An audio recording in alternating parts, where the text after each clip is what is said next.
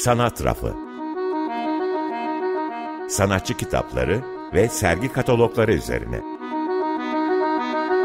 Hazırlayan ve sunanlar Sevil Sarp ve Senem Çelikörslü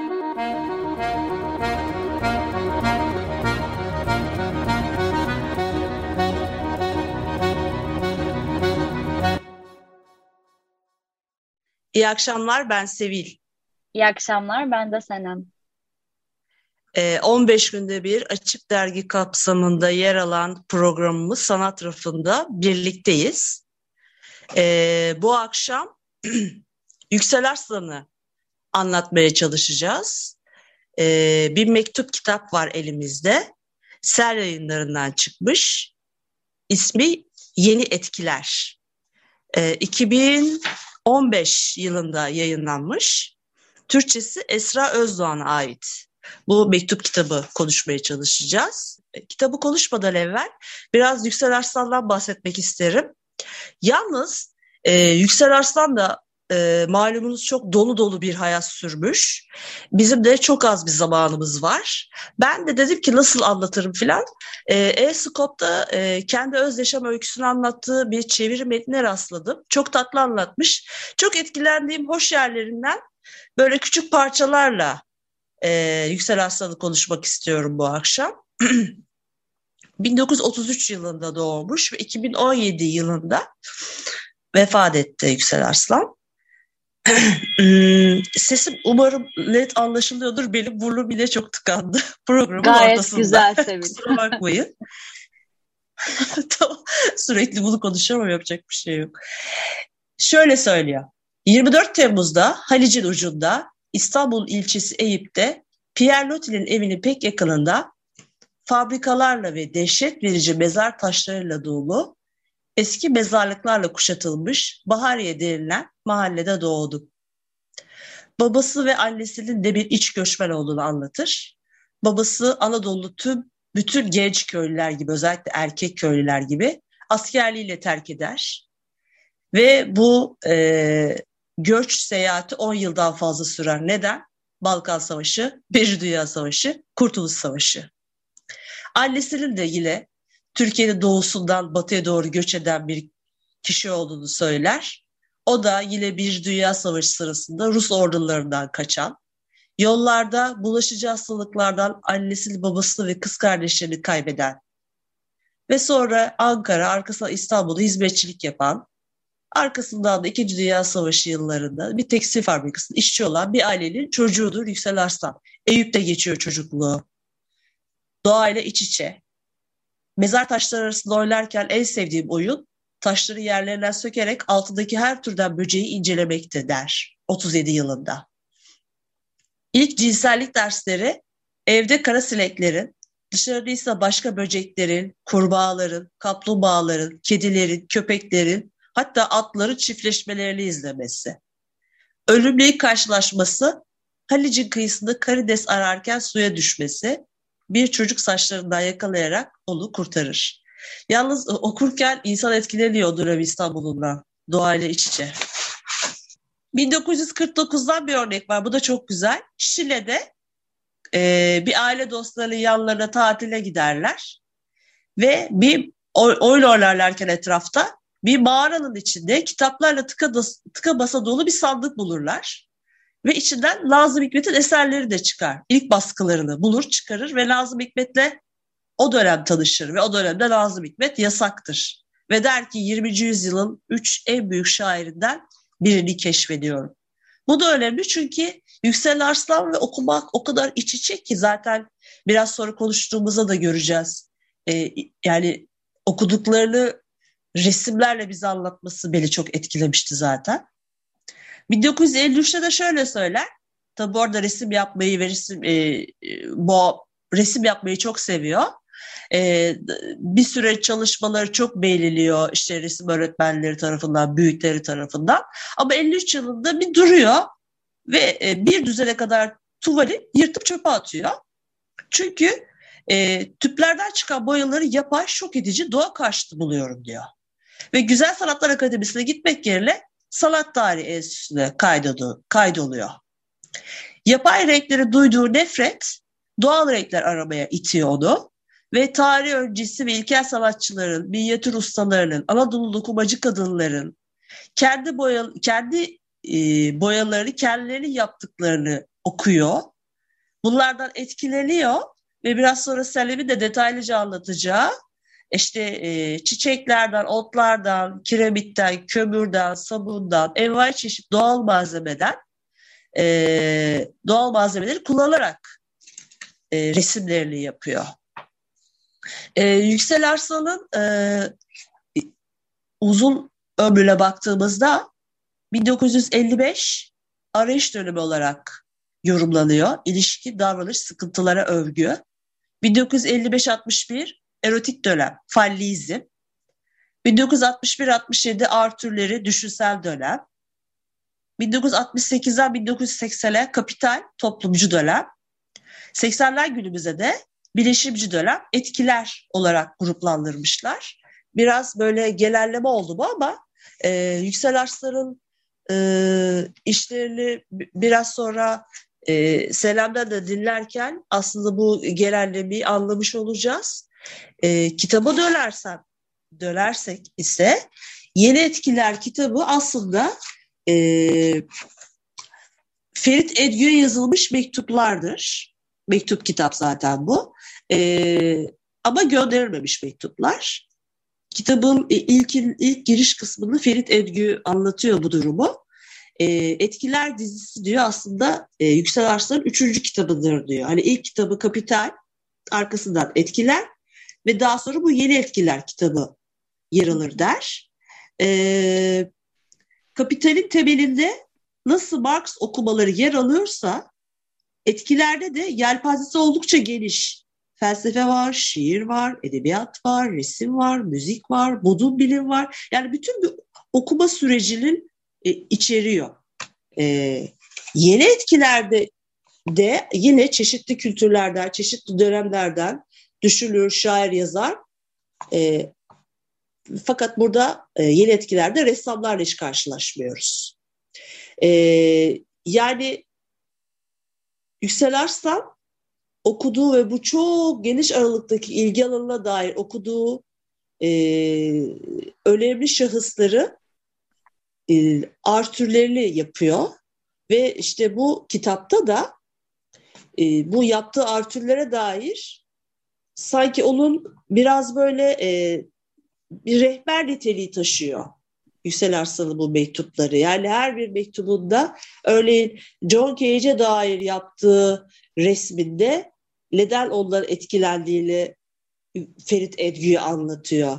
Veya Jean Gelle, Beckett, Shostakovich, Kierkegaard, Pascal, Kafka, Pessoa yani yok yok aslında. Gerçekten. Ee, okuması da çok keyifli ve e, sanatçıyı da e, çok daha başka hani arka planında neler anlatmak istediğini anlamaya dair de hakikaten değerli bir kitap diyorum. Ee, ben de şu şekilde e, sözü alayım Sevil senden.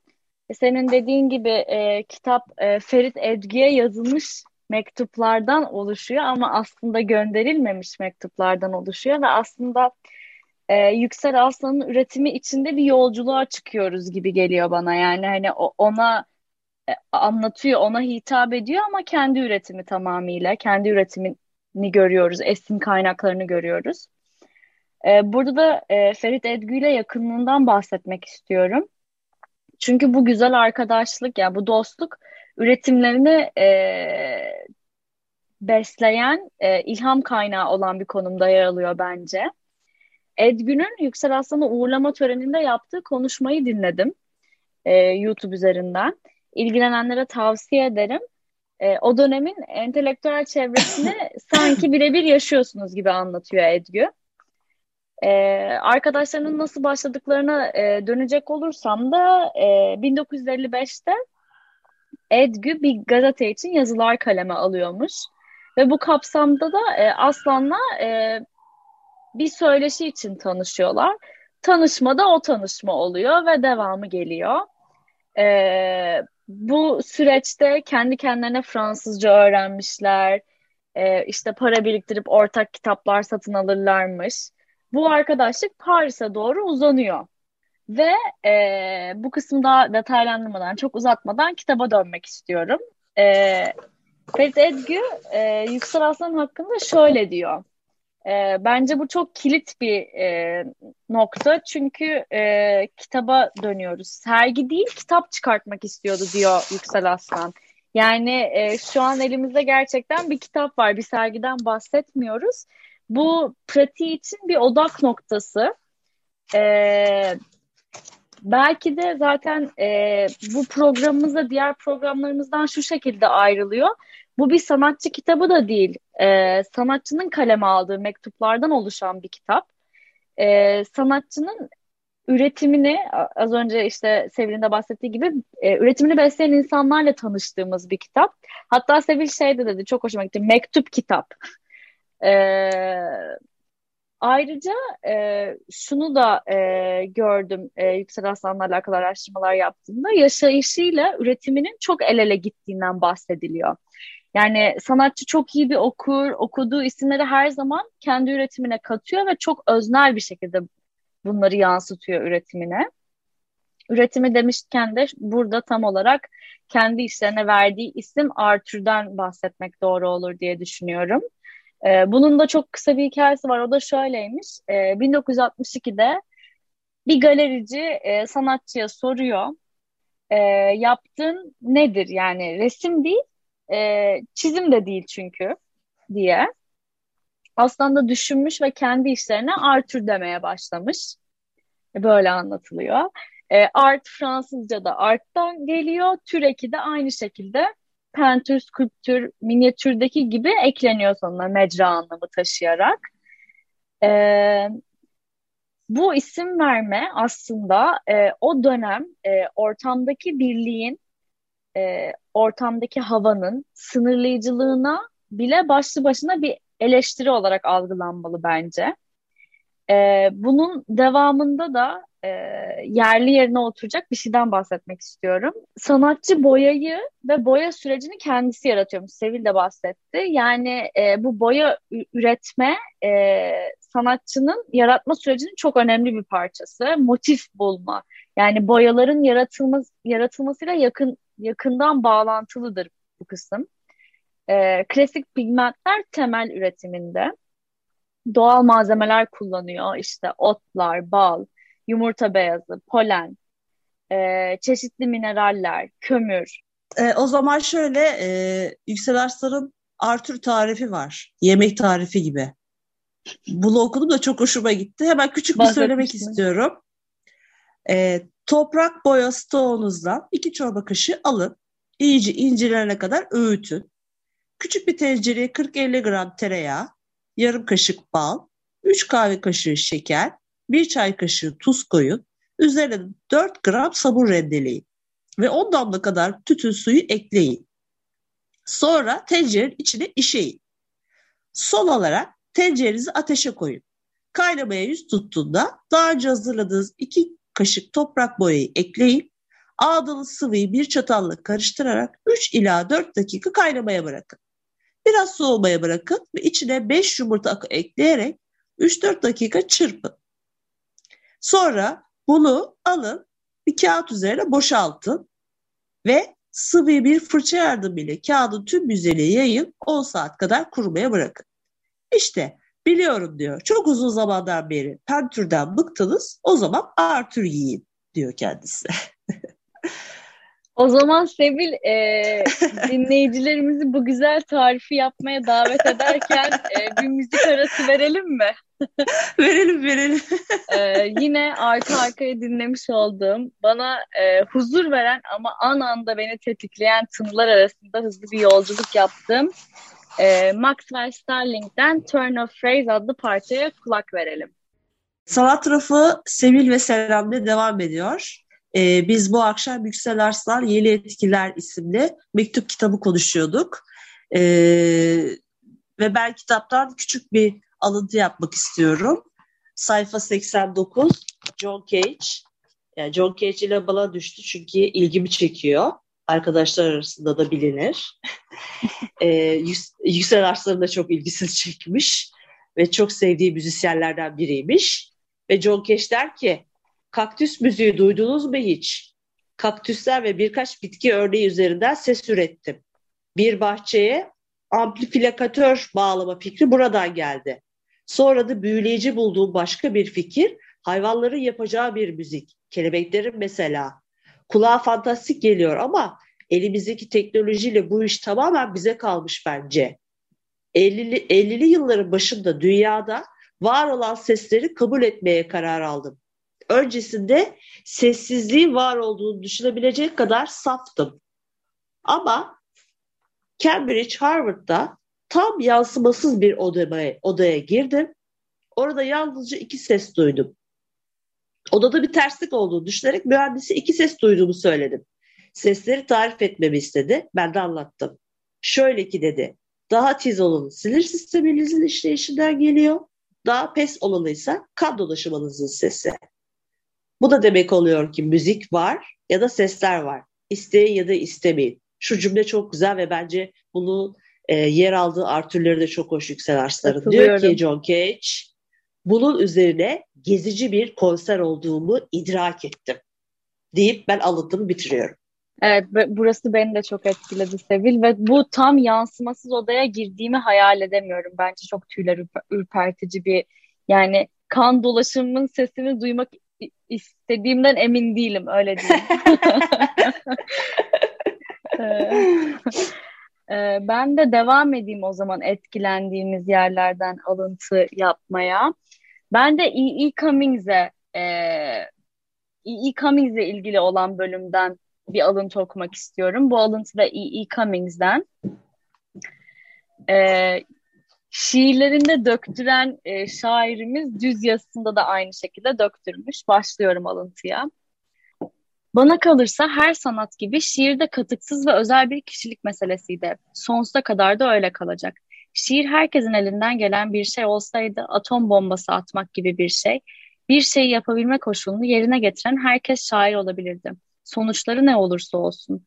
Ama şiir varlıktan gelir, yapmaktan değil. Uzaktan uzağa bile olsa bir şair kabiliyeti hissediyorsanız kendinizde, yapmanın ölçülebilir evrenini terk edip varlığın sonsuz yuvasına girmeniz gerekir. Bizim sözde uygarlığımızın başını soktuğu her yerde cezasız kalmış her türlü ödüllendirmenin varlıkta olmayana gittiğinin kesinlikle farkındayım. Ama şiir amacınız olmuşsa eğer her türlü cezayı ve ödülü, sözde zorunlulukları, ödevleri, sorumlulukları ve böyle daha binlercesini yalnızca tek bir şey hatırlamak üzere unutmalısınız. Kaderinizi belirleyip yazgınıza yön veren bir sizsiniz, başka hiç kimse değil. Kimse sizin yerinize yaşayamaz. Sizin de başka birinin yerine yaşayamayacağınız gibi. Pierre Paul olsun ya da Paul Pierre olsun. İkisi de siz olamaz. Sanatçının sorumluluğu budur. Daha korkutucu bir sorumluluk da yoktur. Bunu üstlenebilirseniz eğer üstlenin ve olun. Hayır diyorsanız iyi şanslar. Başkalarının işlerine sokun burnunuzu ve tükenene dek yapın parantez içinde ya da bozun. Alıntı burada bitiyor. Ee, yani bunu okuduğumda e, bir, herkesin şair olası geliyor gibi hissettim Sevi. Sen de öyle hissettin mi bilmiyorum ama öyle bir Zaten e, dinle, ikna dinlerken etti ajite oldum yani. Evet ben de oldum. Ben evet, de oldum. Kesinlikle. Ajite etti gerçekten. Ama şimdi bu o hissi tut hani kafanda ve Yüksel Aslan'ın dediği şey üzerine o kadar güzel dengeliyor ki bence. Diyor ki Cummings düz kafalıyı safı oynayarak eğleniyor diyor. Şimdi tamamen dengeliyor bu benim kafamda okuduğumda. Çünkü e, E.E. Cummings aslında e, o kadar e, basite indirgiyor ki her şeyi. E, başınıza gelen her şeyden sorumlu sizsiniz. Yani o e, ideal nasıl söyleyeyim o romantik tavır aslında çok da gerçekçi olmuyor ama bu büyüleyici olmayı da bıraktığı anlamına gelmiyor. O yüzden e, buna yer verip üzerine de e, düz kafalı ve safı oynayarak eğleniyor diye eklemesi Yüksel Aslı'nın beni çok etkiledi açıkçası. Evet ya özlerin biçareliği. Ha, kesinlikle. O zaman ee... Yüksel Arslan bir de şunu da söylüyor. Çok sevdik Selam bir ikimiz. evet. Hatta bence bunu ikimiz beraber böyle bağıra bağıra okuyoruz varsaysak. Ee, Yüksel Arslan malum Fransa'da yaşamış. Evet. Ve şey diyor Paris'te eleştirmenlerin özellikle de müzecilerin beyin kıvrımlarında bir tek Picasso'nun bir tek Matisse'in adı dolanıyor. Her yıl bir iki Picasso sergisi açılıyor. Erotik, erotik Picasso, koleksiyoncu Picasso, Picasso ve Ingres, fotoğrafçı Picasso, basındaki çizimleriyle Picasso, Picasso da Picasso. Ve diyor ki soruyorum. Bir modern sanat küratörü ne vakit Picasso'nun kıçı üstüne bir sergi açacak bize diyor. Bekliyoruz kitaba, o zaman Sevil. bu e, sergiyi bekliyoruz. Evet bu sergiyi bekliyoruz biz de. e, bu güzel kitaba e, Salt'tan erişebilirsiniz. Kamuya açık kütüphaneler. İstanbul Modern Kütüphanesi'nden e, AKM Sanat, Arter Kütüphanesi ve Yapı Kredi Yayınları Kütüphanesi'nden erişebilirsiniz. İyi akşamlar. İyi akşamlar.